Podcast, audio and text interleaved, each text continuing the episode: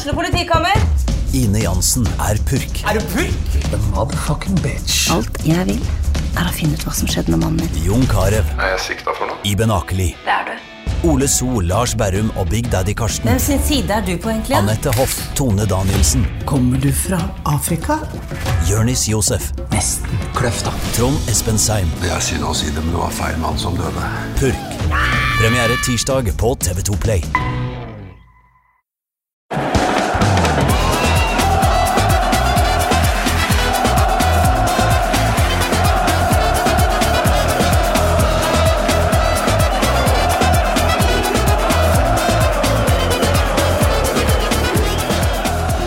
Da kan vi etter fem måneders ventetid endelig prøve å fullføre det vi begynte på i september. Velkommen til Pyro og Pivo. Jeg heter Morten Galaasen, og i dag skal vi lure på hvor drar vi først når denne dritten er ferdig. Uh, Lars Skau, du er med meg som du var i september, da vi begynte på denne episoden. Åssen uh, går det? Begynner å få litt brakkesjuke, da. Ja, Ja, for det var, det var jo litt det vi hadde den gang, og det er jo snart et halvt år siden. Eh, Det har vel ikke blitt noe bedre? nei, det, det gjør ikke det. Tida flyr jævlig fort. da. Det er jo som om livet er et sånt svart hull, liksom. For det er ikke noe som skjer, egentlig. Du bare sitter jobber hjemme, og så går du en tur, liksom.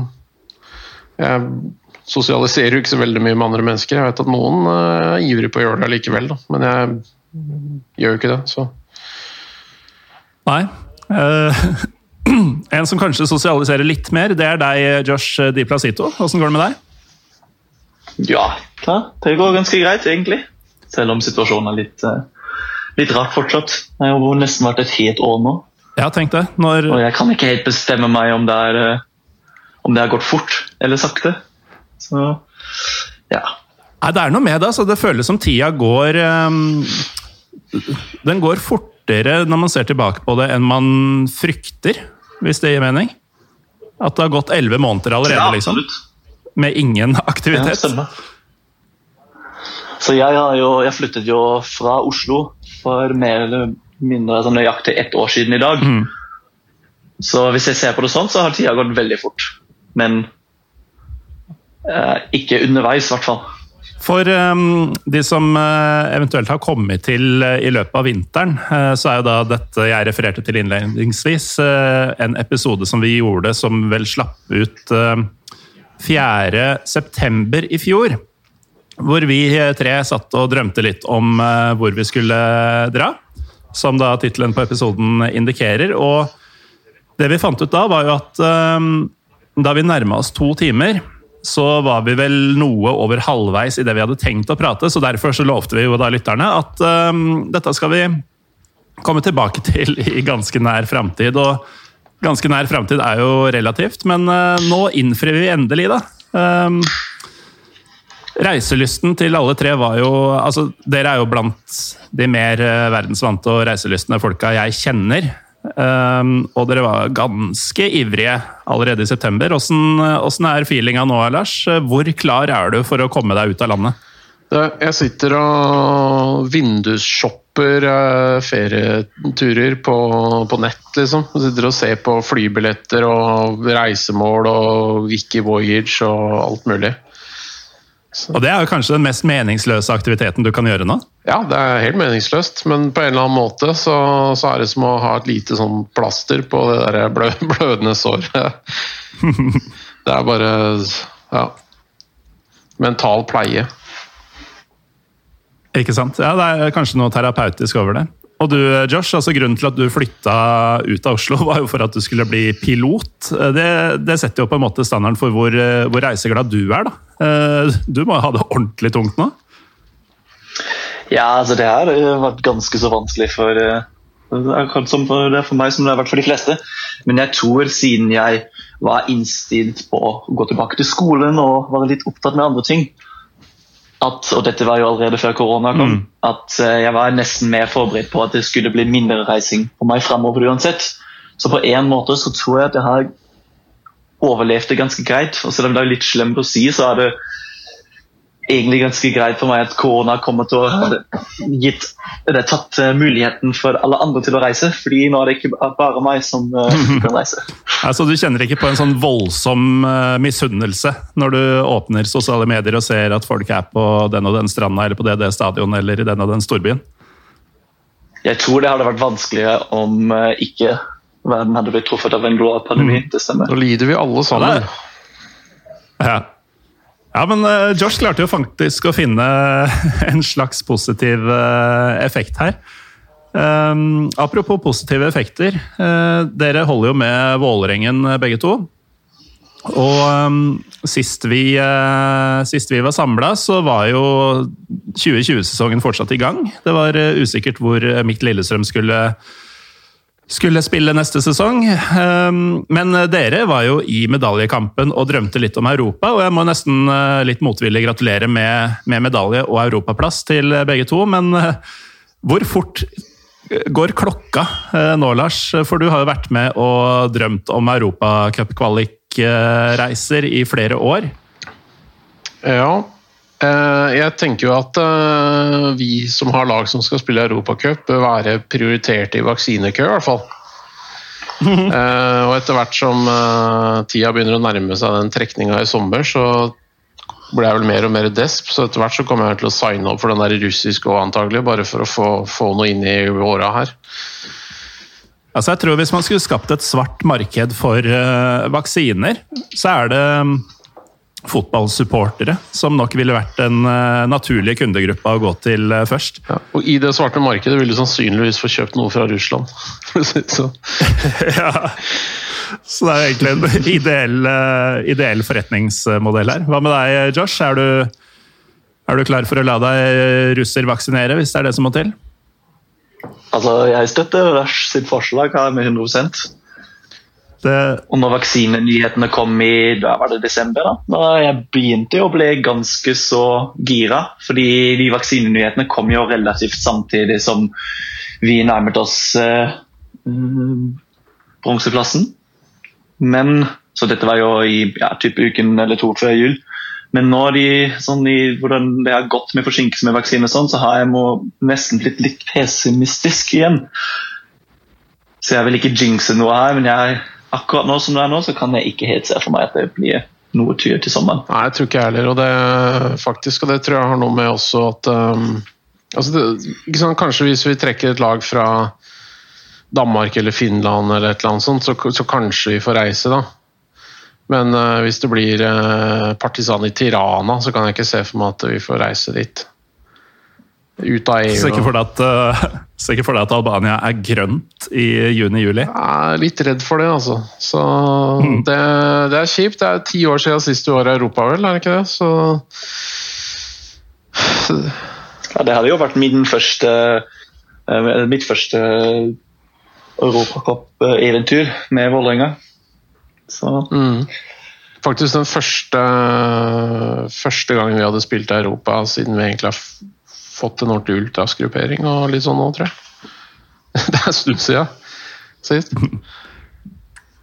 Så det blir jo, altså Uavhengig av om det blir mulig for noen få å reise eller ikke, så, så er, eh, ligger det jo an til en veldig sånn what could have been, uh, dette her. Ja, det gjør det. Og det er surt, men uh, ja, får bare, Du får bare liksom ta en, en dag av gangen og så bare se åssen trekninga blir. og men jeg ser jo damelaget vårt spiller jo Europa nå, og de har jo blitt uh, skikkelig fucka, de greiene her. De spiller jo Champions League. Ja, for, for, der har det blitt masse sånne jalla-løsninger på, um, på hvor kamper skal spilles og hvem som får spille hjemme og sånn, er det ikke det? Ja, det var jo meninga at vi skulle spille mot Brønnby i kvartfinale er vel, i Champions League i september. og Da med Sherida Spitz på laget, da, som er en av verdens beste midtbanespillere, og vi i kampform. Uh, og så endte det med at vi møter dem nå i ett møte i stedet for hjemme borte. På Brønnby sin bane i København uten Sherida Spitze og med flere avganger og ikke mulighet til å registrere mer enn én ny spiller. Mm. Så det gikk jo ikke helt etter planen. Det høres ikke sånn veldig, veldig ryddig ut, men uh, verden er jo Eh, ikke som den skal være for tida. Og det var jo det som la grunnlaget for den første Hvor drar vi nå-episoden tilbake i september. Eh, episode 159. For dere som ikke har hørt den, så kan det kanskje være lurt å starte der eh, før vi setter i gang nå. Planen den gang, mener jeg å huske, gutter, var at dere hadde lista ned fem destinasjoner hver som som dere hadde lyst til å fortelle mer om hvorfor dere ville dra til når verden åpner igjen, tipper jeg vi av de ti kanskje kom gjennom sånn fire-fem. Så vi var jo i eh, Vi var vel i Sentral-Asia, vi var i Sør-Amerika, vi var på Balkan og vi var litt her og der. Men eh, vi, vi skal drømme videre i dag, vi. Og eh, Josh, jeg mener å huske at du var den som fikk, fikk prate minst forrige gang. Har du lyst til å trekke fram en, eh, en av dine nye drømmedestinasjoner eh, først? Ja, det kan jeg sikkert gjøre. Jeg, um, du sa jo at vi bare kommer sånn halvveis inn i de ti land som vi hadde plukket ut sist. Mm. Men jeg hørte på den episoden på nytt, og da hadde jeg nesten tatt de to de eh, fire av de fem land som jeg skulle snakke om ah, ja. i samme slingen. Jeg husker jo at jeg hadde lyst til å snakke om Kasakhstan og Turkmenistan, bare fordi jeg er så interessert og gira på disse land som ingen andre reiser til, spesielt i uh, de gamle sovjetstatene. Oh, ja. Så den gangen har jeg gått til litt, min, la oss si, litt mer turistifiserte strøk, oh, ja. men fortsatt ikke ja, La oss si ikke like uh, store reisemål som, uh, som, alle, som, alle, andre tenker på først. da. Så jeg, jeg har gått til Spania denne gangen. Oi. Ja, men... Og uh, det høres jo litt uh, annerledes ut, som, uh, for, hvert fall for oss som pleier å reise til land som ingen andre pleier å dra til. da. Men jeg har ikke bare tatt Spania som, hele, som sin helhet. da. Jeg, har fokusert meg på ett område, og det er Nord-Spania. Um, som i de baskiske områdene, eller?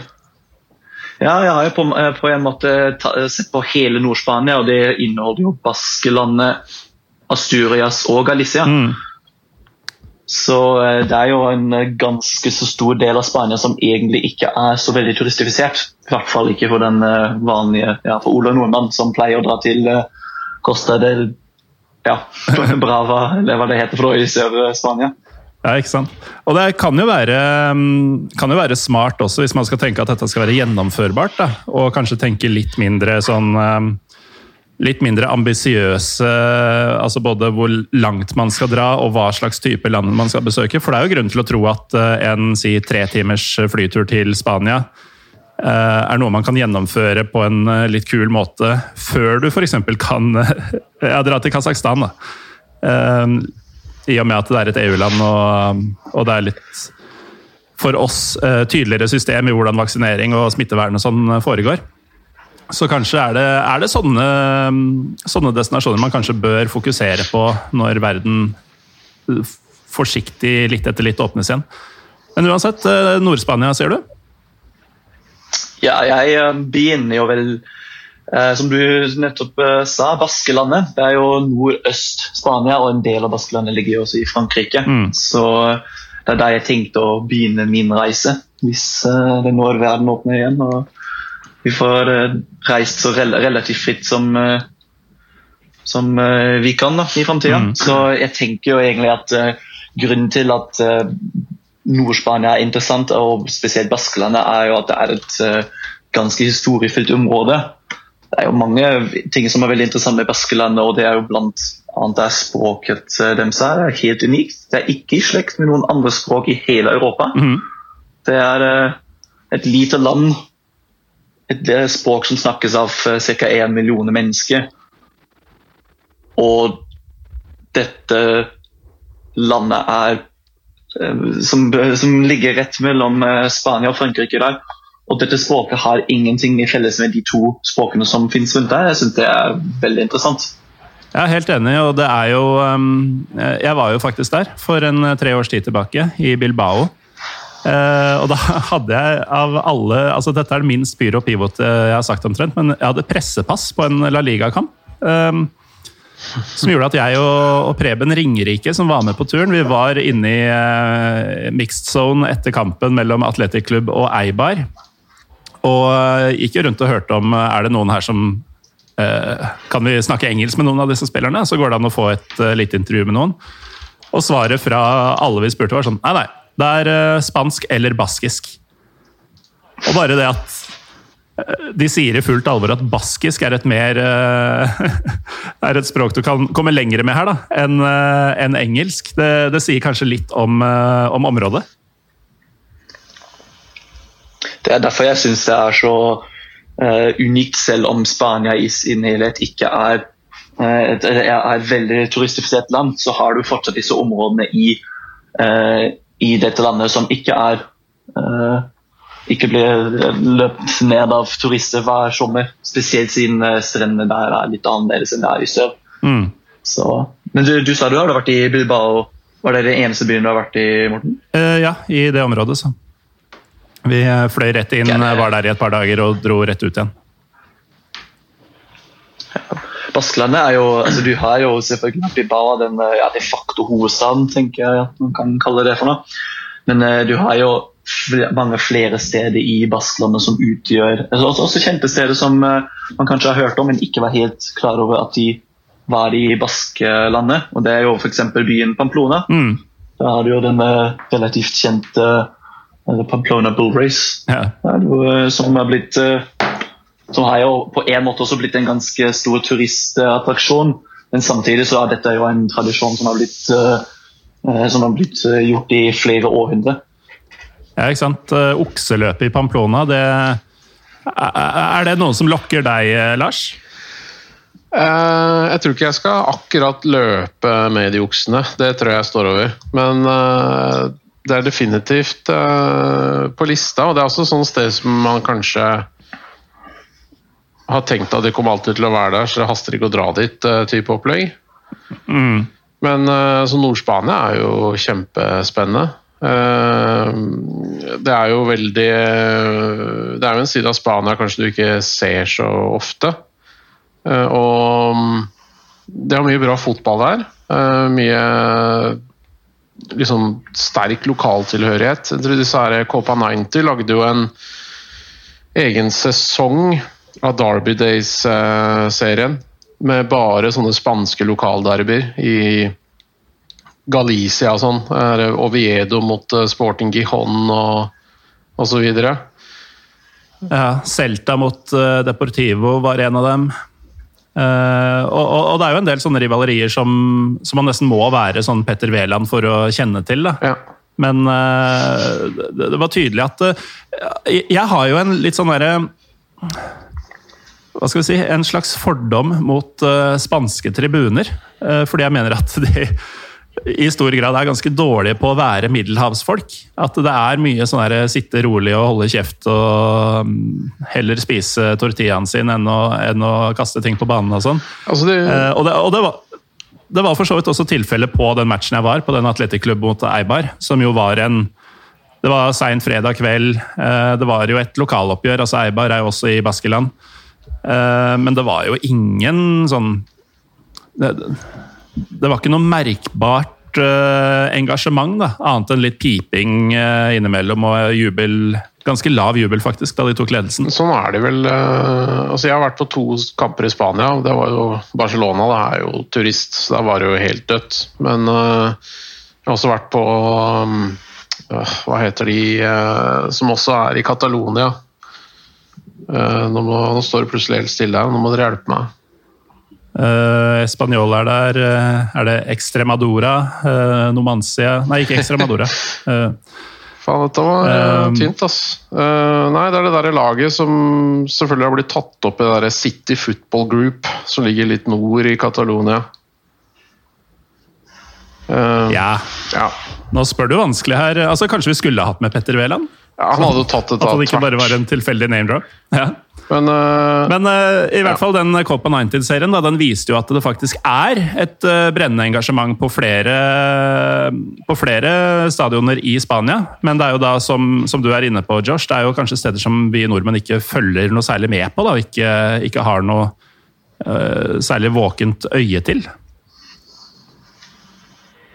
Ja, det um det er jo rett og slett et eh, for, um, Ikke bare for nordmenn, men for resten av europeere egentlig bare et område som er um, altså turist, uh, kjent for turister for um, Santiago, eller Camino de Santiago. Mm.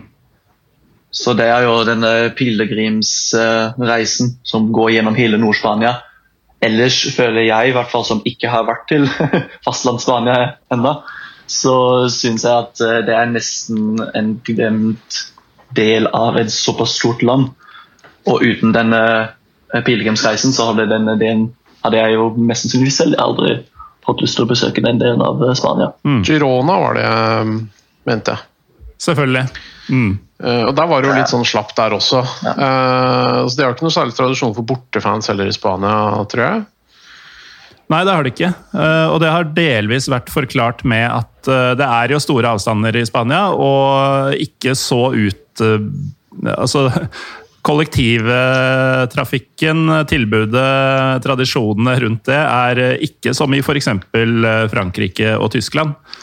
Så det har rett og slett vært vanskelig, eh, og ikke vært innsatsen, virker det som, å reise og følge laget sitt i noe særlig Jeg tror du var ganske treig med å bygge ut infrastruktur, ja. Så det har nok lagt en demper på liksom den kulturen, da. Mm. Men allikevel så tror jeg det er verdt eh, både for mat og altså hvis du altså liksom Kultur er mye spennende å se der, sikkert. Og så tror jeg det er eh, Hvis du får de rette matchene, så er det jo dritfett. Ja, det, det kan det jo fort være. Um, Josh, hva Altså Hva er det av fotball som, eh, som trekker deg hit, eh, først og fremst? Eh, Fotball, altså, fotballmessig så syns jeg bare at Atletic Bilbao at dette konseptet som de lever av med at de bare rekrutterer eller ja, 85 eh, var det vel, at spillerne må komme fra Baskelandet, det syns jeg er bare veldig interessant med tanke på hva slags eh, globalisering fotball har opplevd de, de siste ja, ti årene. egentlig. At de er fortsatt såpass ja, down to earth at de lever i uh, lever i et uh, samfunn der det fortsatt virkelig fokuseres på ungdommen fra lokal, lokalområdet. Og Det syns jeg var uh, fantastisk. At du fortsatt har en klubb, klubb som eh, har gjort det ja, la relativt bra i eh, fotballen, vår, både i spansk fotball og litt i De har Europa. også. aldri rykka ned vel, Eh, fra toppdivisjonen. Ja. Nei, altså Relativt bra er- er en understatement. og Real. Ja, det er bare Atletic, eh, eller Bilbao, Real og Barcelona som aldri har rykka ned fra, ligaen. Ja, så de har jo da gjort det altså som du sier, relativt bra, men de har gjort det relativt bra over veldig veldig lang tid. Og um, noen ganger har det jo gått veldig bra også. Eh, de har jo vært i Champions League, f.eks. Og det da det er vel, Jeg tror de var enda strengere også på med uh, hva som på en måte definerte deg som basker, hva som kvalifiserte deg for å få spille for klubben tidligere. Uh, som jo gjør det enda mer imponerende. Ja, Da var det jo kontroversielt at han de sendte Lisa Rasu, for han var fransk baks, basker, og det var jo så kontroversielt når han eh, gikk dit. Så bare det var liksom Men nå er de vel kanskje litt løsere på det. Jeg vet ikke om De har vel ikke-baskiske trenere, blant annet, nå nyere tid, kanskje. Men spillerstallen er Ja, ganske altså, ja eh, i all hovedsak, men de har også gått fra at eh, Og det har kanskje litt mer med den naturlige globaliseringa av verden, da. Men eh, du må ikke lenger være etnisk basker. Du, kan, du kan være oppvokst der, f.eks. Som gjør at de henta jo en spiller som var eh, 100% etnisk rumensk for et par år siden. Eh, som riktignok ikke fikk spille noe særlig, men som var eh, hadde si, sosiale forutsetninger da, til å kunne kvalifisere til, eh, til å spille for, for klubben. Og denne Inyaki Williams også, som spiller der, han, han har jo også noen aner som ikke, ikke kommer fra Nord-Spania. Ja, Han er vel egentlig af han ser afrikansk Han, ut. eh, Det er jo også en sånn ting som er litt interessant. Da. De har jo tydeligvis flytta seg litt med tida. Da. At det kanskje det er greit at det kommer et flyktningbarn og vokser opp i byen. At de får lov å spille på Atletic, liksom. Han rumenske spilleren som du refererer til, eh, Morten, jeg husker ikke navnet hans, der, men grunnen til at han ja, fikk lov til å spille for Atletic Club Bilbao, var at han hadde gått gjennom ungdomsakademiet i Real Sociedad. Og det er jo det andre klubber i Baskelandet. Og de hadde en litt ja, la oss si, relaxed attitude mot, eh, Mm. det hele konseptet. Så det synes jeg er veldig interessant at du har to relativt store, eller ganske store klubber i dette området med ganske en ganske forskjellig tilnærming til denne ungdomssatsingen. Ja, og Apropos Real Sociedad, så er jo både den klubben og ikke minst byen eh, San Sebastian, eh, som jeg riktignok ikke har vært i, eh, også gode grunner til å besøke denne regionen. San Sebastian går faktisk for å være den spanske mathovedstaden, litt sånn som Lyon gjør det i, i Frankrike. Og jeg er vel ikke den eneste av oss tre som, som også har mat høyt på prioriteringslista når man er ute og reiser. Eller hva, Lars? Nei, mat, det, det må med. Det, og jeg liker jo gjerne å smake litt rare ting. Jeg er ikke sånn helt ekstrem på det, men uh, å prøve å få litt lokal mat, det er viktig. Mm. Dere nevnte for øvrig Pamplona, jeg må bare nevne det. Der har du jo Osasonia. Det er jo også en uh, kjent fotballklubb. Ja, de kommer fra Pamplona? Ja. Ja, for det er jo ikke sånn super ut altså Hvis vi holder oss til, eh, til Baskeland Det er ikke sånn kjempestort geografisk område, egentlig, men det er mange klubber. Altså, det er jo selvfølgelig de, eh, de, to store vi har nevnt, Real Sociedad og Atletic Club. Og så er det Eibar som er nevnt, Osasona, Alaves kommer derfra. Um, ja, i hvert fall sånn på toppen av huet. Det er jo fort fem-seks klubber da, i, i den 20 20 lag sterke eh, La Liga, som kan være fra regionen. Nå ser jeg juksa litt her. Nå ser jeg faktisk at eh, Pamplona ligger i Navarra. Det er vel eh, regionen ved siden av. Men det er jo mye baskere der òg, da. Nei, ja. Teller. Vi teller. Det, det som er greia med Baskelandet, er at um, regionen i seg selv er ikke like stort, men det er akkurat som at Baskelandet går jo inn i Frankrike. Så, i, uh, så Baskelandet tradisjonelt sett er litt større enn eh, denne, ja, si, denne regionen på kartet som det er i Spania nå. Mm. Så Det er derfor Pamplona er, ja, eh, fortsatt offisielt kan regnes med som uh, Baskelandet. Ja, og De bruker jo det flagget, det baskiske flagget egentlig overalt. Jeg husker faktisk For en god del år siden så skulle Vålinga ishockey spille Europacup på Jordal Amfi. og Da kom det et lag fra Frankrike som jeg husker ikke hva det var, som lag egentlig ingen hadde hørt om, som hadde klart å kvalifisere seg til Europacupen. Dette er jo da en firelagsturnering da, som spilles over en helg. Og De hadde med seg en del fans, og de hadde baskiske flagg alle sammen. da. Så det var baskiske det hockeyfans fra Frankrike. Det er ikke ofte du treffer. Jeg har også møtt en basker i Oslo før, så det kan hende han er på tur da. Ja, altså det, det, må da være noen baskere her, fordi det finnes jo både én og to sånne Pinchos-restauranter i, i, byen. Og Pinchos er jo da baskernes uh, take på tapas, uh, rett og slett. Ja. Det er de som blir servert på pinne og på brød, ikke sant? Og så er det masse sjømat. Uh... Ja, omtrent sånn. Det var veldig mye, veldig mye kom på brød, i hvert fall, da jeg var der. Og jeg kan bare nevne at eh, Hvis man vil høre mer om eh, mine eskapader i Bilbao, så um, la vi ut en bonusepisode, faktisk. Den er unummerert, men den kom 10.2.2018. Eh, ganske nøyaktig tre år siden. Og Da forteller da jeg og Preben både om, om klubben Atletic Club, om Bilbao by, og ikke minst våre hands on møter med de lokale hooligansene. hands on? Ja, vi, eh, vi, kom under huden, for å si det sånn. ok. Men uh, Josh, er det mer, uh, mer, å fortelle om, uh, om Nord-Spania her? Ja, altså Dette er jo bare første delen av, av dette den fantastiske landsdelen her, så jeg har jo litt mer å si om Asturias og Galicia etterpå. Men jeg tenker vi kan gå over til Lars i mellomtida. All right. Da er det Lars sin tur til å dra fram eh, et reisemål han eh, ønsker seg til. Jeg tenkte også å starte med litt sånn lavterskel-reisemål, da. I og med at det er litt usikre tider. Eh, så, og dette er jo et ledd i det at jeg ønsker å få besøkt stadioner som snart skal rives, som er veldig viktige. Nå har jeg mista Griffin Park, for øvrig. Skulle jo egentlig dit i, i høst, men det gikk jo i dass. Jeg skulle dit uh, i påsken i fjor, jeg. Det gikk også i dass. Mm. Men uh, De Koip skal rives snart.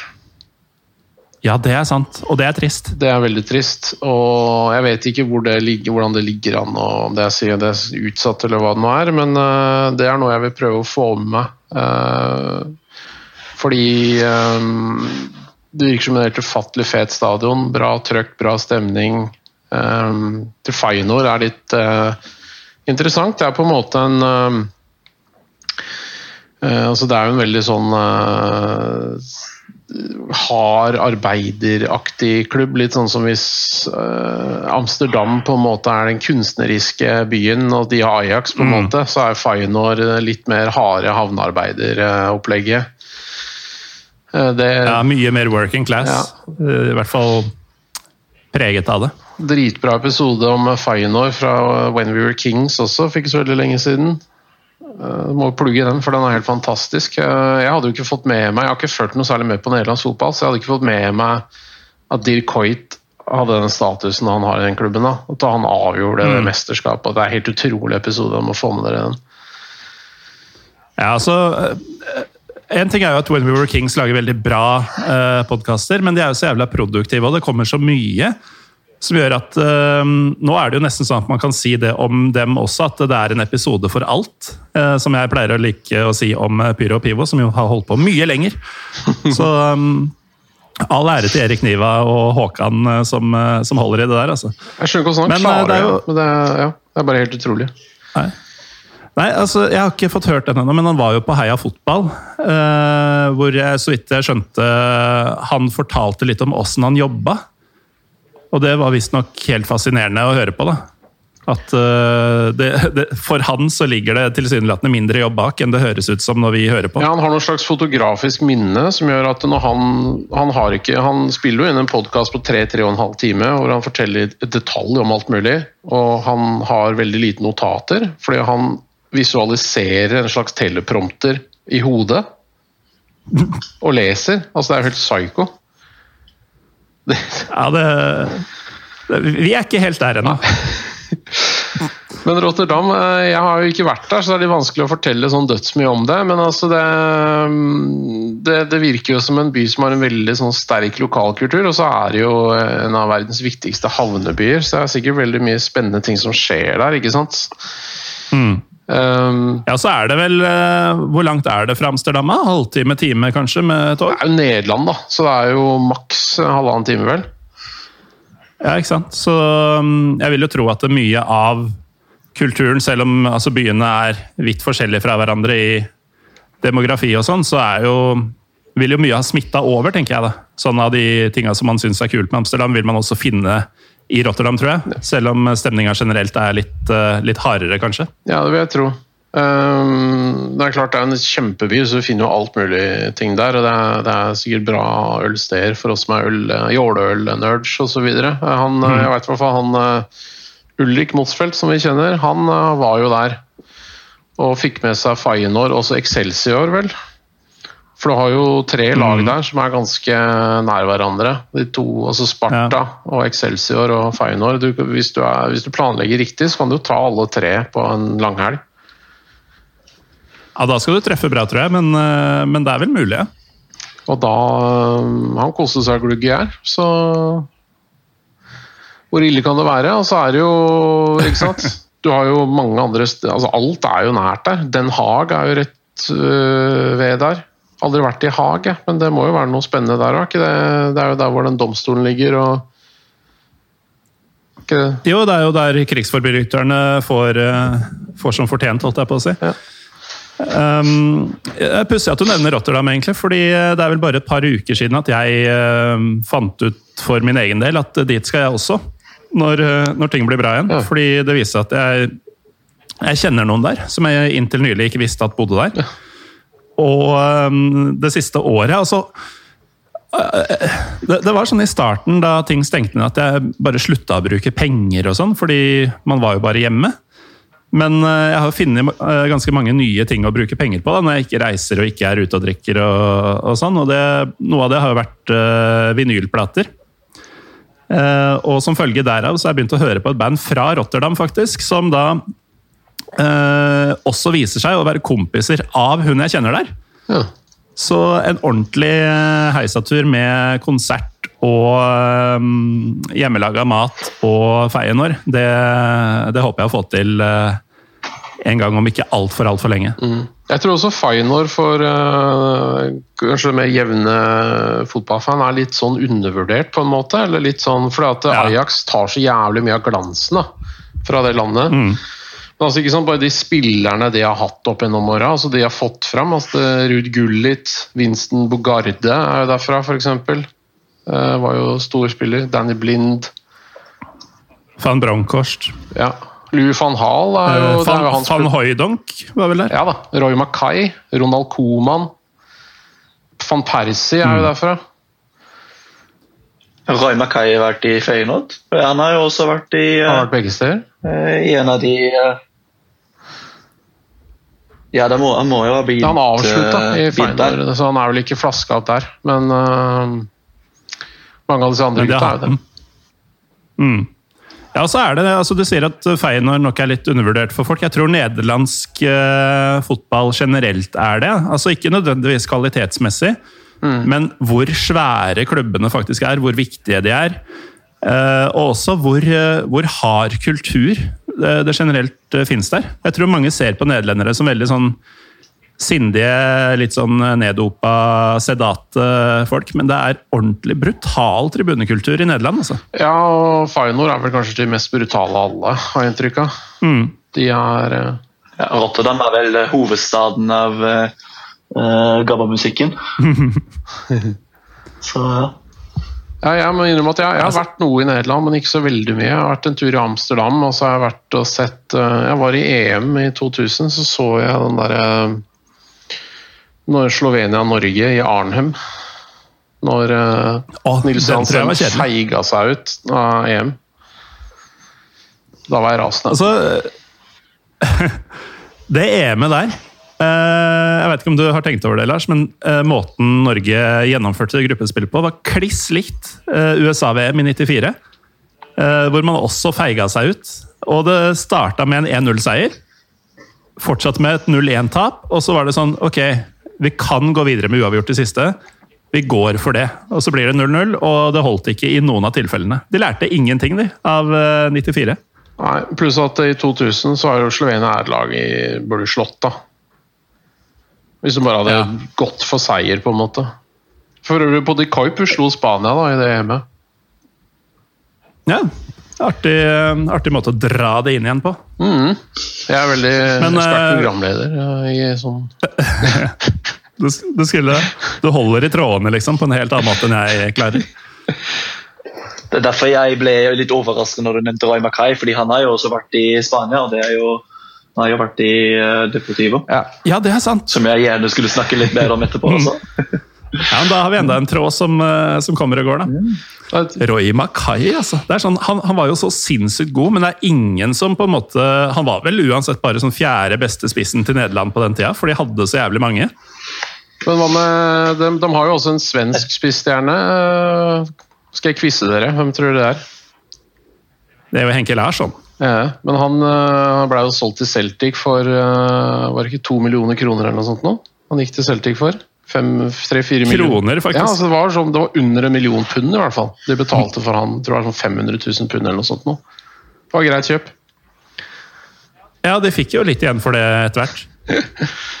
Josh, har du noe eh, erfaring med Nederland, eller? Ja, relativt lite. altså Jeg har jo vokst opp der i Tyskland, så er det bare en time fra grensen til Nederland. Så jeg har jo, har jo vært mye innom der. Og Jeg har vært i Amsterdam en gang, men eh, ellers har jeg vært, eh, ikke vært mye på ferie der. Så å dra til Rotterdam og se på Feyenoord og, og spesielt eh, som dere sier, at det er jo en, en by og en fotballklubb uten glans, og det er jo nettopp det jeg syns er interessant med fotballklubber.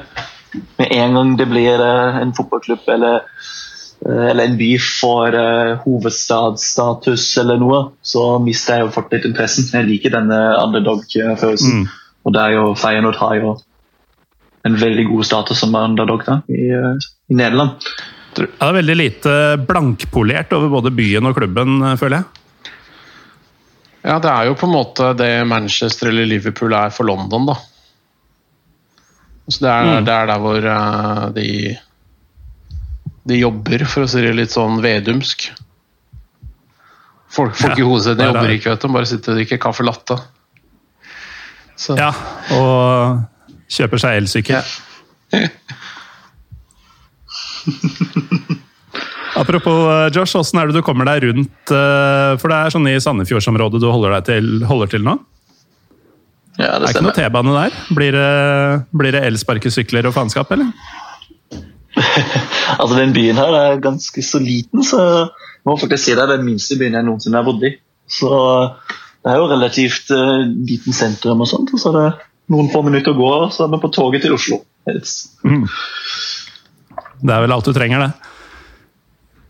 Men øh, hvis øh, altså, Lars, du nevnte noe om at Ulrik Motzfeldt hadde kost seg med noe håndbryggøl og sånn. Eh, Da du ble rasende på Nils Johan Sembo Norge i, i øh, Arnhem i 2000, ble du drita da, eller? Ja, vet du hva, Jeg var sjåfør, så vi, da, da kjørte vi til Oslo etter matchen. Vi gadd ikke å være der med meg og en kompisgjeng. Vi var så jævlig pissed. Det høres ut som en seig ja, eh. Men det, det blei altså. en del sånn dritt inne på tribunen der òg, så vi bare hadde ikke lyst til å være der mer. Det var blant en stor mengde med bergensere som eh, Når vi var på vei ut av stadion, så begynte de å synge 'Vi er ikke fra Norge, vi er fra Bergen'. Og da smalt Da det inn i trappeoppgangen der. Ikke fra meg, men eh, det var andre folk som bare Å komme med det liksom nå, det, bare, det var dårlig takt og tone. Så Jeg tror aldri jeg vil kunne forstå landslagssupporterkultur. Nei, det er vanskelig. Det var folk med vikinghjelmer og mm. det greiene der, så Jeg mener, altså det er bare Det er, det er dritkleint. Jeg har vært på Italia, Norge, Roma. Og da var det jo samme. altså Både jeg og samboeren min eh, ble litt sånn pinlig berørt nesten av en del av de andre folka. For da var jo rundtribune i barings med trompet, og det var liksom eh, hoi hoi med snittalder på 55, liksom. Det, Ja, jeg har sett eh, Norge spille bortekamp på Kypros for eh, ja, to år siden. Det var vel den kampen som eh, Norge vant, og dermed vant første Nations League-gruppa. Da var det enda høyere gjennomsnittsalderen. Det var på sikkert eh, 70, og da Rune Tribune var også er, det, er det den plass. matchen hvor de filma hun dama som satt og strikka når Norge scora? så, så du fikk sånn der jubelbilde, liksom sånn Ja. slow motion av tribunen med norske fansen til Norge scora. Så zoomer midt på ei dame som bare sitter og strikker. Jeg Det kan godt hende. Jeg, eh, altså, jeg var der eh, eh, Det var kanskje 200-300 stykker på den kampen, der, og de hadde jo da blitt uh, bussa inn til Nikosia fra mest sannsynligvis Ayanapa, eller der norske pensjonister drar på ferie på Kypros. Så det, det som også var jo veldig interessant, at det var en tribun bak um, altså på hva heter det, PGS-stadion i Nikosia. Da. Der um, Apoel holder til. Eh, og de hadde jo da spilt mot Eintracht Frankfurt i Europaligaen bare noen uker før det. Og da hadde jeg jo sett de bildene fra på nettet av ja, 3000-5000 tyskere på en torsdag kveld som hadde tatt over dette stadion her og vunnet den kampen, tror jeg. Og Så kom jeg dit to uker senere, og så hadde hele tribunen bak uh, målet avsperra. Et lite område til de 200 pensjonister. Jeg fikk til og med komme inn gratis, siden de ikke skjønte at eh, jeg, sa- jeg sa bare at jeg skulle inn på kampen, den kampen her. Viste passet mitt, og de spurte om jeg var norsk. Og Jeg sa nei, men jeg ville veldig gjerne se altså, bare inn på den kampen her. Og så var- fikk jeg bare gratis billett. Og det var barnebillett, tror jeg. Ja. Det var det jeg skulle ønske var så lett hver gang. ja, det, det er jo nesten sånn Man må jo lære seg på nytt igjen, nå som det er så lenge siden sist. eh, Hvordan det er man går fram for å få tak i kampbilletter og, og organisere turer og sånn. Det, det sitter liksom ikke eh, i fingra på samme måte lenger, innbiller jeg meg. da. Nå har jeg jo ikke, som Lars, eh, prøvd å late som jeg skal kjøpe turer og sånn det siste året, men eh, det jeg egentlig prøver å si nå, er at jeg lurer litt på hvordan reiselivsbransjen ser ut når, når dette åpner seg igjen. For det vil jo være veldig mye konkurser og, og sånn, både blant hoteller, flyselskaper osv. Eh, hva vil det gjøre med prisene? Eh, hva slags dokumentasjon må du framlegge i starten? Sånn, eh, det er snakk om sånn vaksinepass og greier. Eh, det blir jo en del nytt, antagelig? Ja, antageligvis. Eh, jeg tenker jo at um, det er veldig mange mennesker nå som altså Mange har jo mista jobbene sine og sånt nå, men kanskje særlig i Skandinavia så har vi såpass bra sikkerhetsnett at jeg tror nesten fordi at folk ikke bruker så mye penger, så kanskje man har lagt seg opp ganske mye penger, da. Det blir sånn tvungen sparing, nærmest, for en del.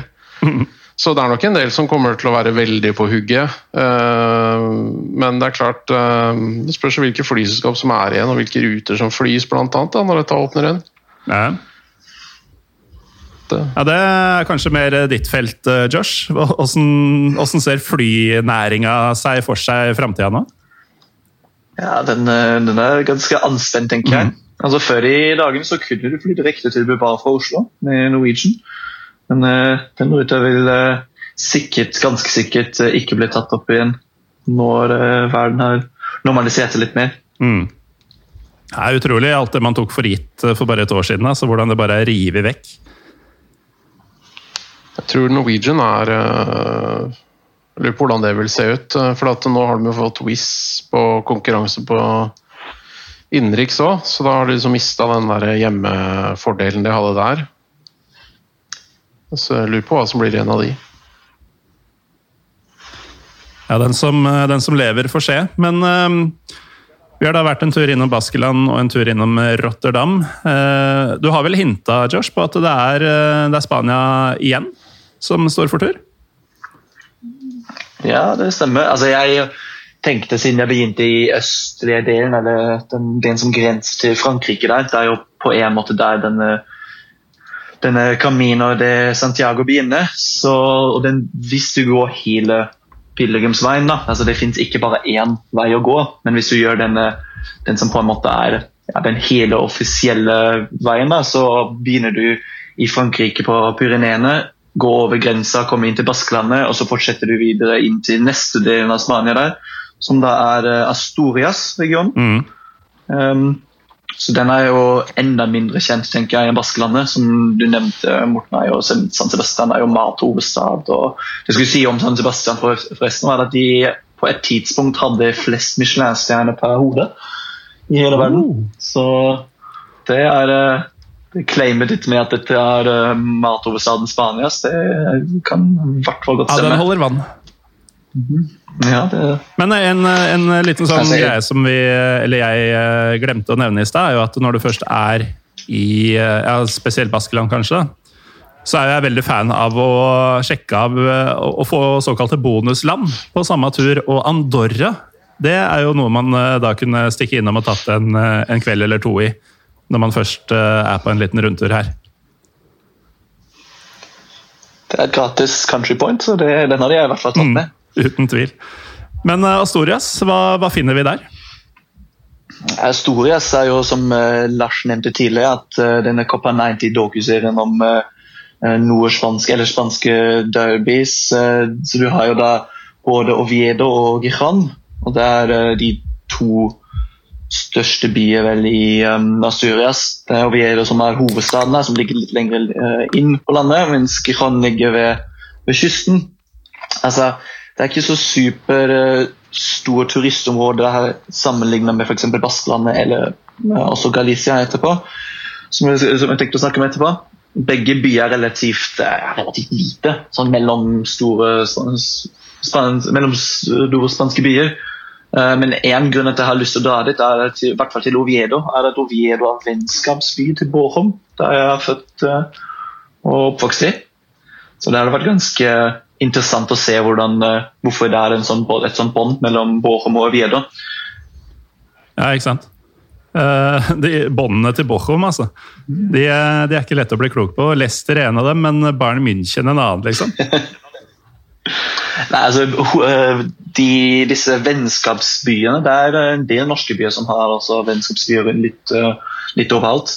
Men eh, siden Bårum var såpass stort på kull- og stålindustri på 70- og 80-tallet, så er de fleste vennskapsbyene vi har, eh, også ofte sånne industribyer. Mm. Det er en av de andre byene der til Bårum er eh, Sheffield. Veldig stor stålindustri. Og Viedo var the også et sånt eh, sted. Ganske stort på, på stål. Så, eh, og som, eh, som kommer litt fram i den Copa 90-dokumentaren om Asturias, eller om Oviedo, så er de også veldig, de er veldig interessert i å holde denne kulturen på en måte på et ganske sånn lavt nivå. At du ikke åpner så mye opp for turister. Og Det er kanskje der derfor det tiltrekker meg ditt. dit. Mm. Må si vi er ganske sånn røffe i kantene i dag, med først eh, Rotterdam og, og havnebyen, liksom, og nå er det køl- og gruveområder i, eh, i Spania. Det er, ikke noe, det er ikke noe flash i dag, Nei, absolutt ikke. men eh, det skal det jo heller ikke være. Men eh, disse to klubbene, da. Eh, Sporting Gijon og, eh, og Oviedo, er det det er, det er to klubber som jeg på en måte ser for meg som nummer 12 og 14 på La Liga-tabellen til enhver tid. Det er Real Oviedo ligger vel på 17.-plass uh, på tabellen i, eh, opp gjennom årene. Det er et sånt lag som aldri har vunnet noen ting. Så, Mens eh, Sporting eh, kan vel heller ikke ha vunnet noe særlig? Det er jeg ikke så sikker på, faktisk. Da. Men eh, akkurat nå så ligger jo begge i Segunda. Mm. Eh, så det var jo en ganske så mange år at de ikke hadde spilt mot hverandre i det hele tatt. At Giron var eh, et typisk lag som bare var i Segunda og ikke kom seg opp mot, til opprykket. Og så gikk jo Real Oviedo ned, og nå har de spilt mot hverandre en del ganger de siste årene. Så det er et derby som, som han Eli Mengem fra Copa 90 der trekker fram at det er ganske altså veldig uh, anspent siden det var så mange år uten noe uh, proffkamp mellom de to lag. Det er jo en type derbyhistorikk du kan kjenne deg igjen i, Lars, eh, som, uh, som har St. Pauli, eh, apropos havnebyer, eh, som et av dine favorittlag. Ja, men det er noe spesielt med havnebyer, egentlig. Eh, Det er eh, ofte litt mer sånn radikalt og litt eh, hardere der. Jeg liker den viben mm. som er der, for det er så internasjonalt og det er så mye Det er jo ikke tilfeldig at f.eks. Hamburg hadde engelske spillere på 80-tallet, altså ikke Keegan blant annet, som var der. Og Beatles Jo, har spilt der, og det er liksom, ting er liksom litt mer utoverretta, da. Mm. Eh, Det er Ja. noe jeg setter pris på. Men eh, det Josh nevner med at eh, Sporting og Oviedo hadde vært i forskjellige divisjoner i mange år, og dermed, da de først skulle møtes, at det var liksom ja, en anspenthet. da Man visste ikke helt hva man skulle forvente av derbyet. Da Hamburg faktisk rykka ned, så skulle jo ditt St. Pauli og HSV møtes igjen for første gang på mange år. Du var jo på en av disse matchene. Ja, jeg var det. Um, Den vi tapte, dessverre. Men uh, San Pauli har men gjort var det det bra. den første? Uh, jeg var det på den andre, vel. Ok. Uh, San Pauli har gjort det bra i de derbyene, stort sett. Det var det ene tapet av den rekka med derbyer som har vært nå. Mm. Men det er litt sånn typisk, da, at uh, HSV føler liksom at de har alt å tape og nesten ingenting å vinne. Og San Pauli er sånn Ja, ja, hvis vi tar et poeng, så er det kult, liksom. Da, da blir det en veldig sånn rar dynamikk i det, da, som antageligvis er jævlig irriterende for de som er størst. Fordi de Vi ønsker jo liksom skuffe på eh, derbytoget, de også, men de føler liksom at de ikke får noe igjen for det. for at det, det, Hvis de ikke vinner, så er det ræva av dem, og hvis de vinner, så er det bare det som er forventa. Ja, ikke sant. Um, hva, hva mer er det som, eh, som er interessant med Astorias-området, Josh?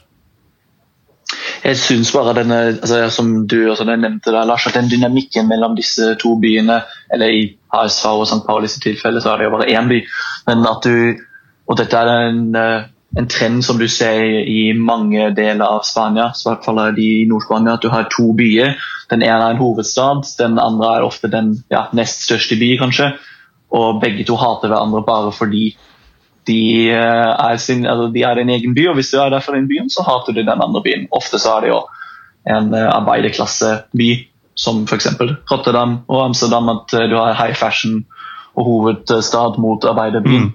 Og du har ganske mange sånne der. Det er det, det som jeg syns er så interessant med Asturias, at du også har denne samme dynamikken der. At, du, at Oviedo og Giron er Du også opplever en sånn dynamikk i denne delen av eh, Spania som de aller fleste ikke tenker på så mye.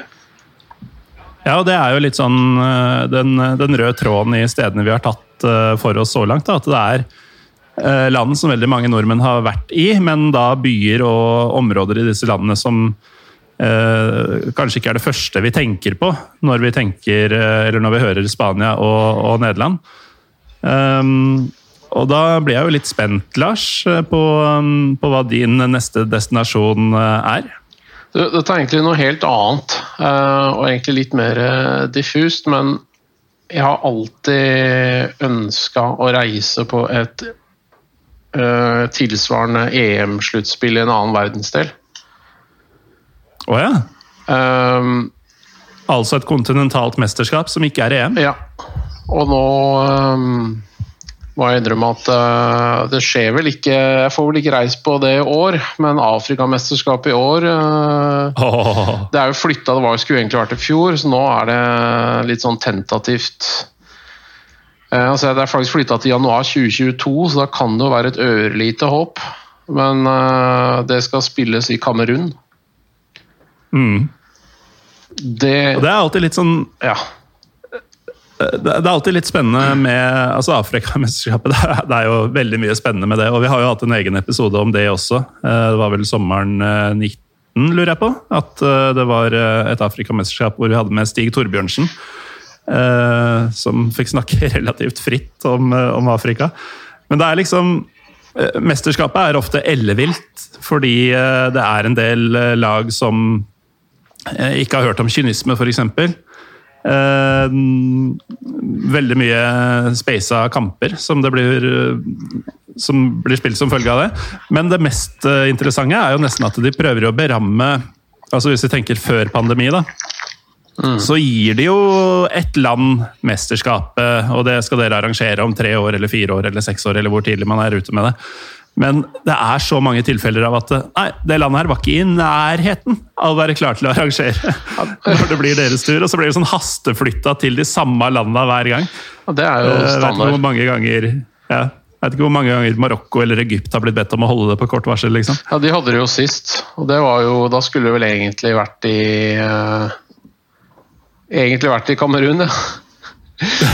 Så jeg er Prøver igjen, da. Uh, så, men de mista det mesterskapet, for der har de også Boko Haram, og de har noe interne mm. greier. Men altså, de, de, prøver, da. Jeg tenker Det hadde vært bare dritfascinerende, ikke sant? Ja, ja. Um, men jeg som er Jeg kan jo ikke fransk, da. I hvert fall ikke sånn fransk med afrikansk eh, frankofon aksent. Så det måtte vært i et engelsktalende afrikansk land, og da er Kamerun er jo neste, når det enn det blir, da. Med matcher i uh, ja. Yaoundé. Er ikke det, det er, Eller er det, er det fransktalende? Er ikke det engelsktalende? Jeg tror de er, jeg tror de er delt. Altså. Med fransktalende, mm. De er litt splitta, ja. Det er vel en av grunnene ja, til at sånn, vi har litt sånn interne issues. Ja, blant annet. Roger Milla, for eksempel, er jo engelsktalende mm. sånn noenlunde. Men uh, Francois og for eksempel, var jo åpenbart uh, fransktalende. For å ta et par uh, 1990-referanser på rappen. Da kan det gå an uh, for oss engelsktalende å, reise rundt der uten at det er helt umulig. på en måte. Jeg tenker sånn som Elfenbenskysten hadde nok vært et nivå opp, da. Mm. De skal jo ja. ha det i 2023 for øvrig, etter planen. Ja, vi får se, da. Men Altså, jeg, jeg, har jo ikke vært i noen afrikanske land. Uh, ikke engang en liten sånn sydenferie til Sharm el Sheikh eller noe sånt. Um, så jeg skal jo være litt, med, uh, litt, forsiktig med å si hva som er et skritt opp og ikke, men uh, bortsett fra Boko Haram så innbiller jeg meg at at Kamerun på en måte er et enklere reisemål enn Elfenbenskysten, f.eks. Som jeg, jeg bare innbiller meg er et mer kaotisk uh, samfunn. Ja, men det er mulig jeg er helt på vidden her. Det tror jeg også. Uh, Elfenbenskysten tror jeg er uh, Det er nesten sånn at jeg lurer på liksom, hva er sjansen for at de faktisk kan avvikle den turneringa. Eh, men uh, så kan du, da kan du ende i Egypt eller Sør-Afrika eller noe sånt nå. Men altså det er, jeg syns det er dritfascinerende. Det har jo Tidligere så har vi hatt bl.a. Gabon og Ekvitorial-Guinea. Det er jo ikke akkurat full ordning der heller. Alltid. Afrikas Nord-Korea, som det ofte blir omtalt som. Nei, Mauritan- Ekvatorial Guinea. Ja. Men jeg jeg syns det er litt sånn herlig, herlig norsk at ja, men da blir det sikkert i Sør-Afrika eller Egypt eller noe sånt. Så det er jo kanskje de to landene i Afrika som er lengst fra hverandre geografisk. Og nesten kulturelt også. ja, Afrika, Afrika er enormt. Men. Men eh, altså man, man skjønner jo hva du mener. At det er jo infrastruktur og stadioner og sånn som funker for et mesterskap. Jeg tenkte jo, I, Men eh, for, siden vi snakket om Kamerun, husker dere 2002-drakta? var det den med eh, singletter? Ja. var den de ikke fikk lov å bruke, var det ikke det? Mm. Det er litt synd. Så det endte med noen sånn supertettsittende vanlige drakter i stedet. Som bare var klistra til kroppen. Men brukte de da samme drakten? Ehm, ja, så Det er jeg ikke helt sikker på. Om det, om det var samme greie, bare med korte ermer i stedet for ingen ermer. Men ehm, den singlettversjonen fikk de i hvert fall ikke bruke i selve mesterskapet. Men uh, apropos, apropos eh, Kamerun og Afrikamesterskap og, og afrikanske land i det hele tatt. Har du vært i Afrika ehm, noe sted, Josh? ja, bare Marokko.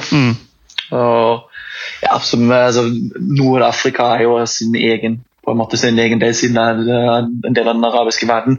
Så, det er så jeg kan i hvert fall si at jeg har vært på kontinentet, men ikke i ja, ikke i den delen av Afrika som vi snakker om. eller det du snakker om. Øystein, og Ikke jeg heller. Og det Afrika sør for Sahara, det, det er fascinerende, altså.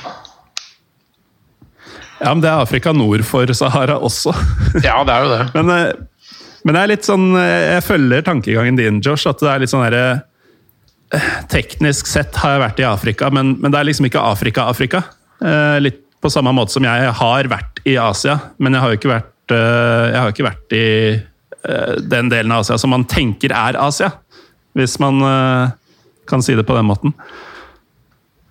Du har ikke vært i Asia i det hele tatt. Det overrasker meg faktisk. I Afrika har jeg ikke vært i det hele tatt. Asia. Jo, jeg har, Asia. teknisk sett har jeg det, men jeg har ikke vært i sånn Ja, Vietnam, Vietnam, Thailand, eh, Japan Du har vært over brua Korea, altså. i Tyrkia, eller? Ja, også sånn type Jordan er jo Asia teknisk sett. Um, Ja. Noen vil si at Armenia og Georgia er det. Um, så uansett hvordan jeg vrir og vender på det, så har jeg vært i Asia. Men jeg, jeg føler ikke at jeg kan si at jeg har vært i Asia likevel. Hvis jeg, da kan, ikke- eh, hvis jeg kan tipse deg om noe, så er eh, Asiamesterskapet For det er også noe jeg har sett Mm. på. I, eh, det er jo bare hvert fjerde år, men i 2023 så spilles det jo i Kina. Og Det er jo ikke det verdens mest sexy fotballand, men det er ganske interessant å reise i Kina. Ja, og uh, da kunne jeg jo slått det sammen med en annen sånn nerdedrøm jeg har. Nemlig den transsibirske jernbanen. Ja. Rett og slett eh, ta, ta toget fra Moskva, bruke et par uker øh, og ende opp i Kina for å se litt fotball. Det hadde vært eh, helt ypperlig. det. Bælme med vodka på toget i to uker. Ja. Så kommer vi fra det. Det har, vært, eh, det har vært noe. Ja, blytung tur, altså. Men øh, altså vi, Så vidt jeg har skjønt, så tar det toget ca. en uke hvis du ikke går av noe sted. Hvis du bare setter deg på og er der til det er framme. Eh, det er jo selvfølgelig ikke aktuelt. Så um, la oss si at eh, jeg i hvert fall fem stopp eh, på den turen skal av og bo på et hotell og se litt by og sånn. Da. blir det jo fort en to ukers reise, bare for å komme seg til destinasjonen. Ja, det- det er jo Det er noe jeg har lurt på med tror det er enda mer, faktisk. Hva sa du, Josh? Jeg tror det er enda mer, faktisk. At eh, Hvis du hadde prøvd å ta den eh, altså kjøre transsibirske jernbanen på to uker, da er du allerede ganske stressa, tror jeg. Ja, det kan godt være. Så um, det, det høres ut som en helt uh, Altså, hvis jeg skulle, skulle komme med en sånn Det blir jo ikke hvor jeg drar først. Men uh, nå som den dukka opp i huet mitt, så er den noe jeg allerede sitter og jobber litt med, faktisk. Men jeg lurer på, går det toget så ofte at du f.eks. kan være Altså stopper det en gang om dagen på alle disse stasjonene? Det kan, da må det ha jævlig mange tog. for jeg lurer på sånn, Hvis du skal av i Kazan og være der i to dager f.eks., går det tog videre med en gang? Når du vil det, på en måte? Um, jeg har ikke sånn nøyaktig Jeg har ikke satt meg veldig inn i dette. Har du ikke timeplanen men, til Transsibirske i hodet? Jeg har ikke det. Men uh, om det ikke er daglige ruter på hovedstrekket, så vil jeg jo tro at uh, du, hvis du går av i Novosibirsk f.eks., så vil det være et eller annet tog som tar deg videre i riktig retning. Da. Ja. Sånn at du kommer deg Du, må ikke, du er ikke stranda der i fire dager for eksempel, til neste tog kommer, men at du kan jobbe deg litt videre. For jeg tenker sånn som Eh, Kazan uh, burde jo sett, ikke sant? Det er jo tross alt hovedstaden i Tartarstan. Det er ikke å Ja, er du gæren? Og da kunne jeg bare hatt eh, episode 39, tror jeg det er, på øret, hvor Jørgen Jalland forteller om eh, sitt liv i Kazan for en del år tilbake, da han var proff der. Ja, stemmer. Det er en av gutta deres, det, vet du. Det er det. Han har fin spill, ja. Ja, godt mulig. Var bra gjest, i hvert fall. Så men jeg har vært, Det eneste jeg har vært i Kina, er i Shanghai. eh, og der, eh, Det var jo midt på sommeren, i juli. og Det var så inn i helvete varmt. Men bortsett fra det, så er det jo, det er jo en dritspennende by. ikke sant? Altså, Det er jo helt enormt. Mm. Det bor vel eh, Hvis du ser liksom hele det sammenhengende urbane området under ett, da, så Shanghai og de andre byene, så er det vel sånn 130 millioner mennesker. Eller noe sånt noe. Det er helt vanvittig, altså.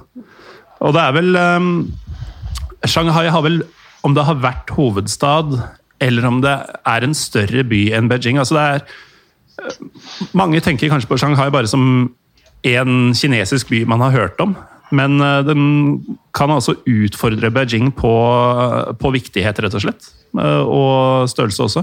Jeg tror det er litt sånn Så det er jo- ja, Jeg tror nesten det er litt sånn Rotterdam-Amsterdam. At Beijing på en måte er en sånn kulturell hovedstad, mens eh, Shanghai er mer sånn nav i den økonomiske motoren i Kina, på en måte. Mm. Nei, Det er jo en stor businessby også. Det er, jeg tror det er fem millioner utlendinger som bor i Shanghai, av de ja, 25 millioner som bor i ja, selve byen. Det er ganske, ganske vanvittige tall når man kommer dit. Altså. Men det vi egentlig prata om her, var jo, var jo Afrika og Afrikamesterskapet, og der er det jo også eh, Altså, Nabolandet til Kamerun, som vi nevnte, Nigeria, de har jo noe sånn som 180 eller 200 millioner innbyggere. Og eh, Algerie alene er jo på størrelse med hele Vest-Europa. Eh, det er, det er noe vanvittig. Altså, Europa og, og vår del av verden da, er så mye mindre enn man skulle tro, når man begynner å se enda litt utover eh, våre egne navler her. Ja, det er Men, enormt. Men hvis uh, dette med å, å dra og se Afrikamesterskapet, det også kilte meg litt på riktig sted, Lars. Um, jeg regner med det. blir, du med, blir du med du også, Josh? Jeg sier aldri nei til en tur. Ja. Hvis vi i tillegg kan få med oss Spesielt nå etter så mange måneder slash år uten uh, å ha forlatt uh, landet. Det, det, er, det har nå vært ti måneder siden jeg sist uh, satt fot i et passasjerfly. Så det føles at det er på tide snart. Ja, det er eh, om en uke eller to så er det nøyaktig et år siden min siste utenlandstur. Og det, akkurat nå ville jeg tatt nesten hva som helst. Jeg sa nesten i fullt alvor her om dagen til noen at eh, nå, nå kunne jeg dratt til Paris, liksom. Så ille har det blitt. Men det, det trakk jeg selvfølgelig tilbake. da. Paris eh, drar jeg ikke til igjen. Men hvem vet, kanskje om et år så står vi på busstasjonen i Douala og prøver å finne bussen til Yaoundé. Håper vi får den bussen med aircondition.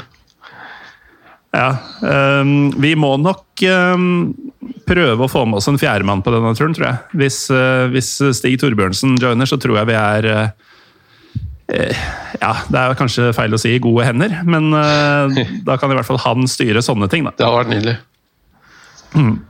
Noen som kan fransk, i hvert fall. Ja, Min skolefransk har blitt uh, ganske rusty, tenker jeg. ja min også. Men ehm, det, siden du har skolefransk, Josh, og jeg også har det, så er vi i hvert fall bedre enn Lars på, på den ene tingen. Og det er da noe. Der er det kun anglais her, altså, så det, det er ingen tvil om. Men hvis vi runder av, kan jeg bare avslutte med å bare påpeke at hvis vi ser veldig langt fram, til neste Asia-mesterskap i 2027 Der er ikke verten avgjort ennå, men det kan hende At det blir enten Iran eller India. Åh. Hvis, eh, hvis det blir Iran, altså. Det kan også bli Saudi-Arabia eller Qatar, og det er jo sannsynligvis en av de to. Ja. Men ja, der ødela du det. ja, dessverre. Men altså, jeg tenker også uh, India hadde vært dritfett, da.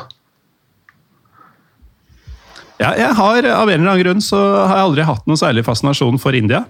Men det er jo selvfølgelig bare fordi jeg ikke har øh, åpna øynene. Det er jo idiotisk å avskrive et av de største og viktigste landene i, ja, i verdenshistorien, faktisk. Uh, bare fordi ja, jeg ikke um, I mitt hode så er det sånn, se- et av verdens mest spennende land. Jeg er bare Jeg har aldri fått komme meg dit.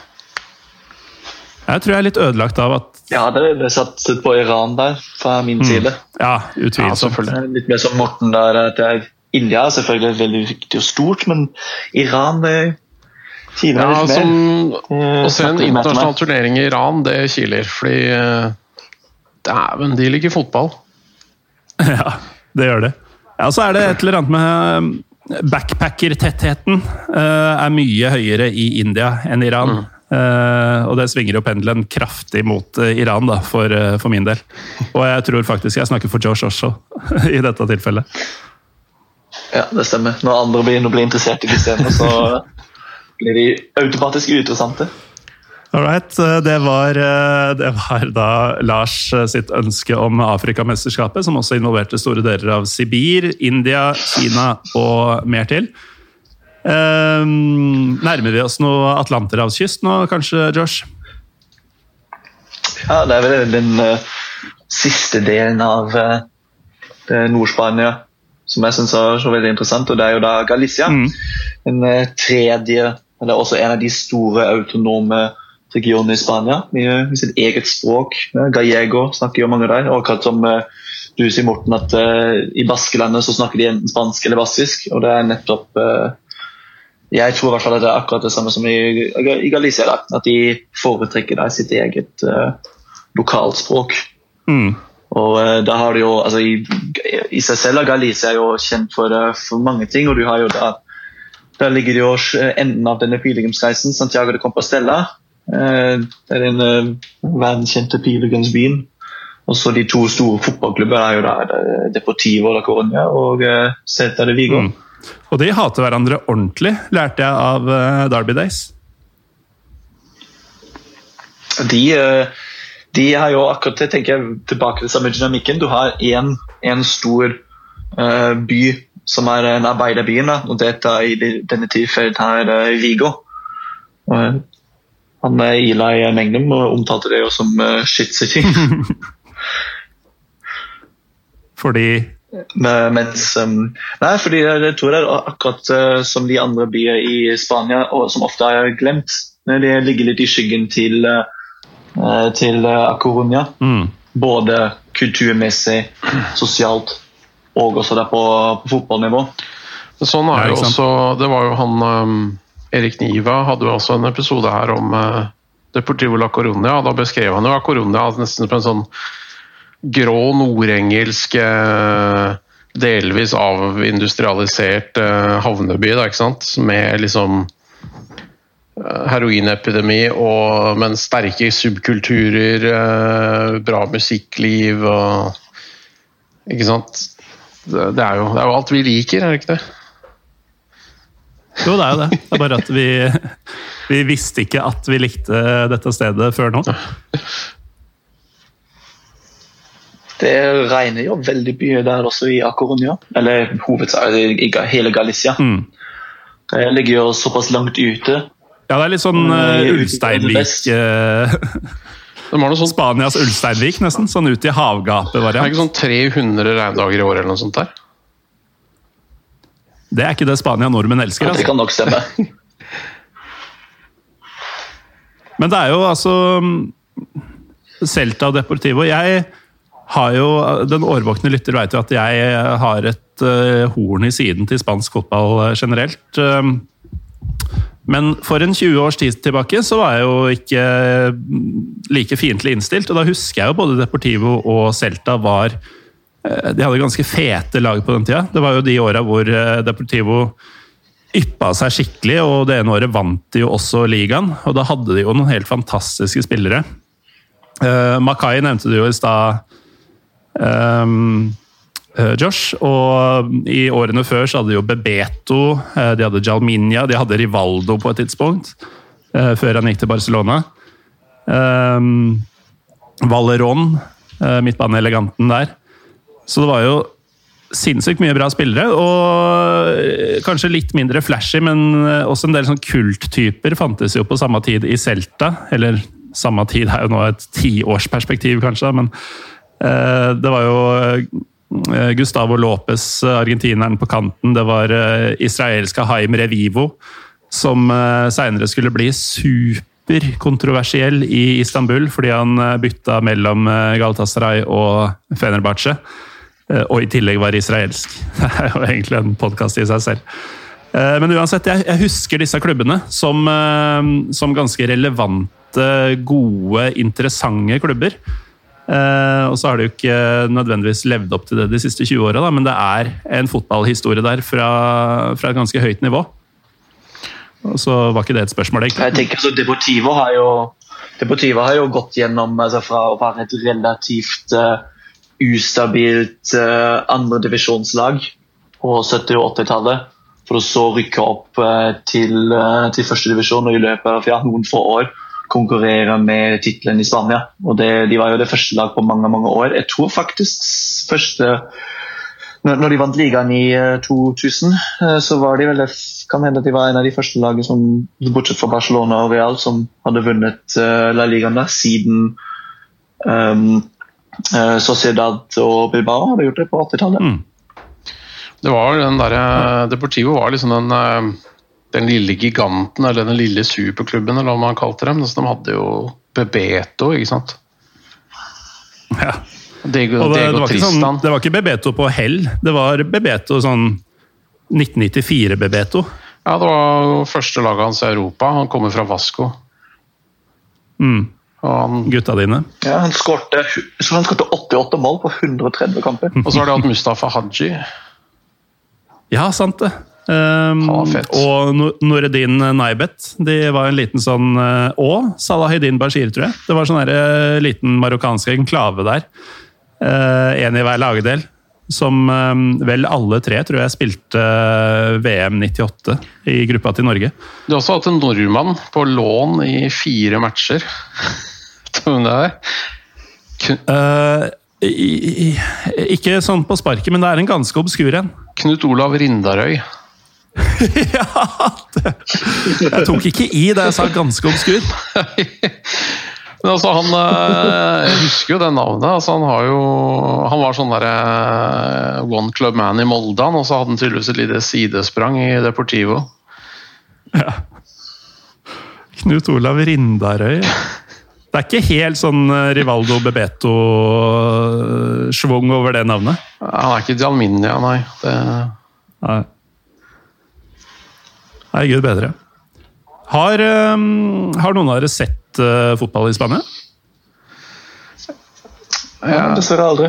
Som sagt, jeg har jo ikke vært i fastlandsspania engang. Du er, sånn, uh, du, du er jo Uh, igjen, da, for eventuelle nye lyttere, Josh. Du er jo et uh, litt sånn komplisert uh, Du har et komplisert opphav. du har et italienskklingende navn, men regner deg som tysk-engelsk. Og som, som, ja, som delvis engelsk, så vil jeg jo da tro at når du sier 'jeg har ikke vært i fastlandsspania, har det vært sånn Ibiza, som de liker å si? Ibiza. Er det der du har vært? Nei, jeg har bare vært jeg har, Da må jeg faktisk nesten si det er jeg nesten med norsk. Mm. Og at jeg har bare vært på Kanariøyene. Okay. Hva med deg, Lars? Jeg har sett tre kamper der. Altså, jeg har sett, uh, nevnte i stad, Barcelona mot Malaga. Uh, mm. Og så har jeg vært på Girona mot um, Levante i cupen. Og så har jeg sett I 2003 så var jeg på Uefa-cupfinalen i Sevilla mellom Celtic og Porto. Oh, Når fett, eh, Porto vant på silver fuckings goal.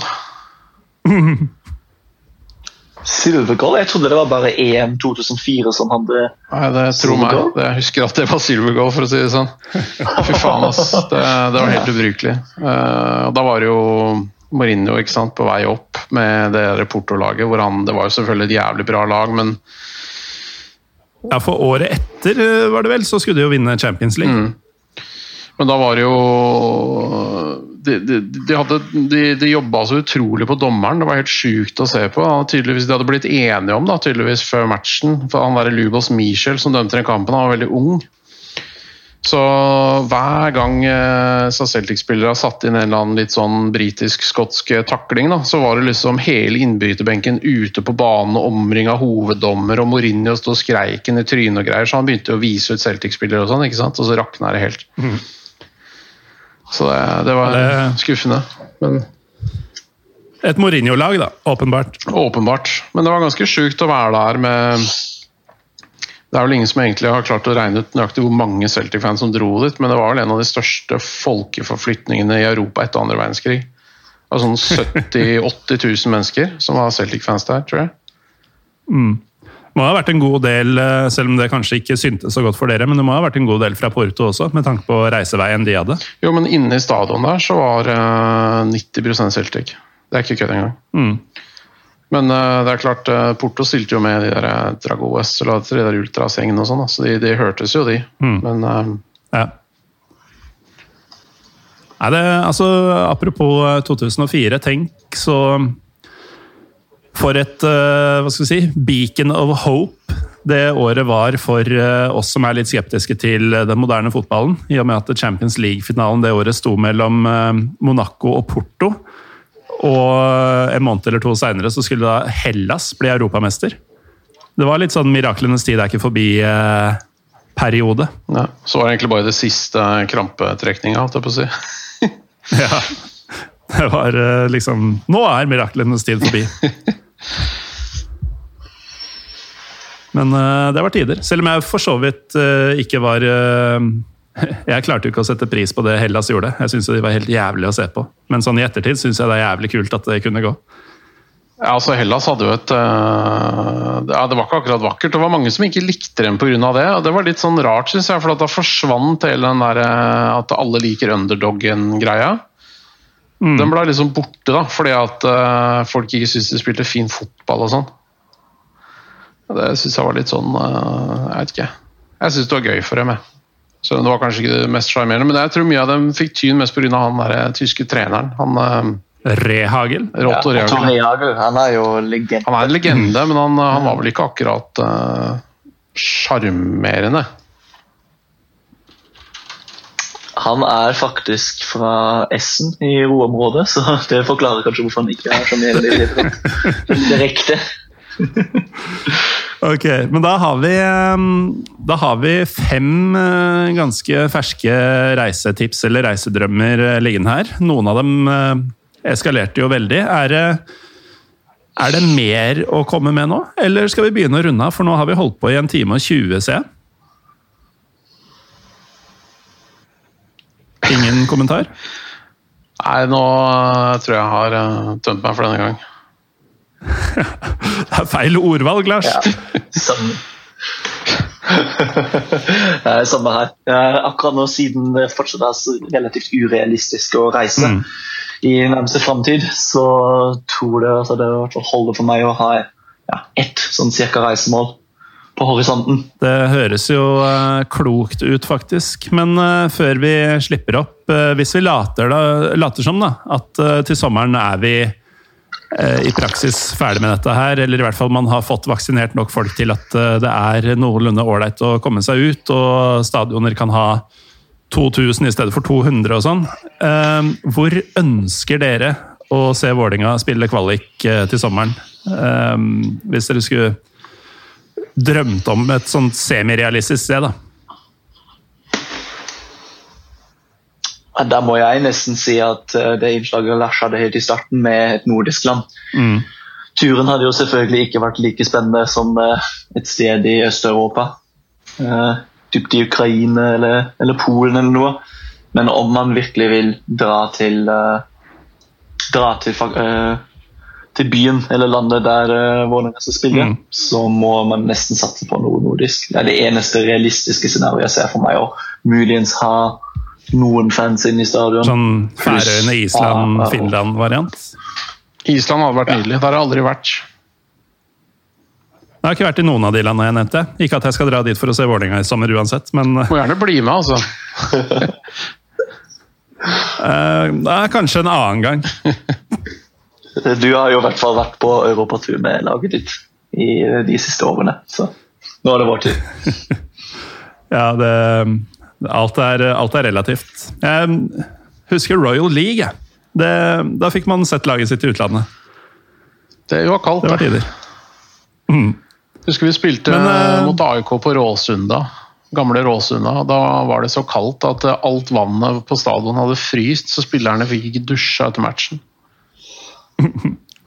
Jeg var og så Lillestrøm mot eh, FCK i Parken. Eh, Det var vel eh, 2. eller 3. desember eh, et år. Og da var det sånn at eh, hvis man kom fra doen eller fra baren og kom liksom, skulle ned trappene ned til tribunen igjen, da, så var det is på de trappene.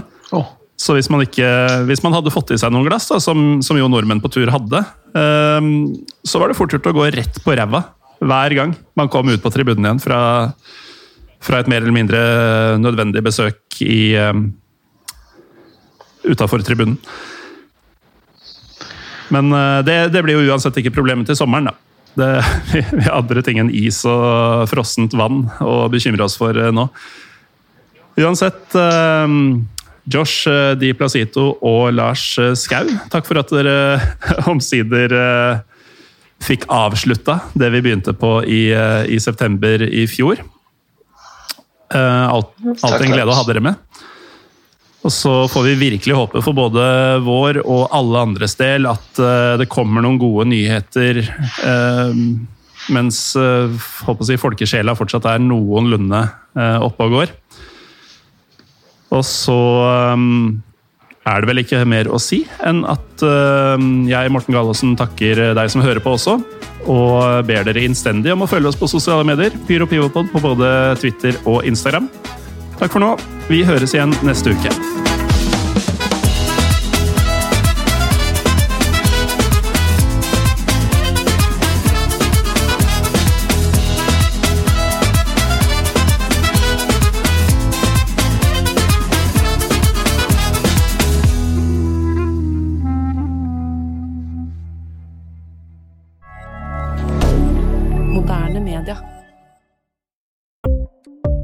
Ukens annonsør er HelloFresh.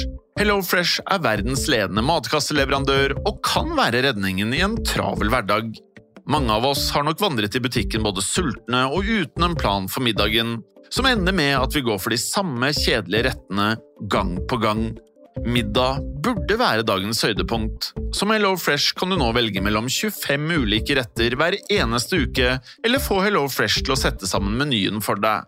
Dette gir deg muligheten til å prøve nye og spennende retter alene eller sammen med familien. Du velger antall porsjoner og får alt levert på døren på et tidspunkt som passer for deg. Oppskriftene er enkle, og maten er lett å lage både for store og for små. Ved å få alt levert hjem får du også mer tid til å dele matgleden med familie og venner. Kanskje det frister med asiatiske tacos eller greskinspirert kylling? Da kan jeg anbefale deg om å gå inn på hellofresh.no. Her kan du bruke koden FOTBALL og få opptil 1779 kroner i rabatt på de første fem matkastene hvis du ikke har prøvd HelloFresh tidligere. Du kan også bruke rabatten hvis du har vært kunde og stoppet abonnementet ditt for tolv måneder siden eller lengre. Gå inn på hellofresh.no og bruk koden FOTBALL. Har du et enkeltpersonforetak eller en liten bedrift? Da er du sikkert lei av å høre meg snakke om hvor enkelt det er med kvitteringer og bilag i fiken, så vi eh, gir oss her, vi. Fordi vi liker enkelt. Fiken superenkelt regnskap.